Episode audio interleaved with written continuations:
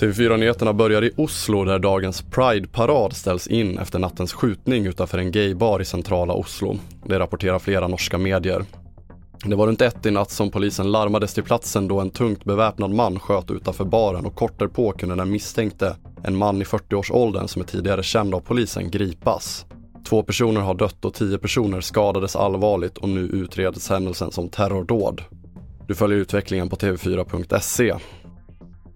Och vi fortsätter i USA där den amerikanska högsta domstolens beslut att riva upp aborträtten i USA har mött starka reaktioner. Flera tusen personer protesterade runt om i landet. Och medan många republikaner jublade var demokraterna snabba med att fördöma beslutet.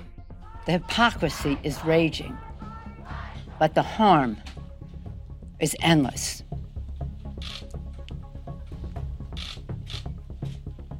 What this means to women is such an insult. It's a slap in the face to women about using their own judgment. Detta sa Nancy Pelosi, talman representanthuset.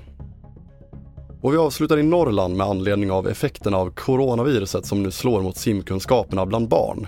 Något som Svenska Livräddningssällskapet är oroliga för nu när sommaren är här. Stängda badhus och avbruten simundervisning under pandemin gör att Luleå kommun nu kompenserar med gratis simskola. Fler nyheter hittar du på tv4.se. Jag heter André Metenen Persson.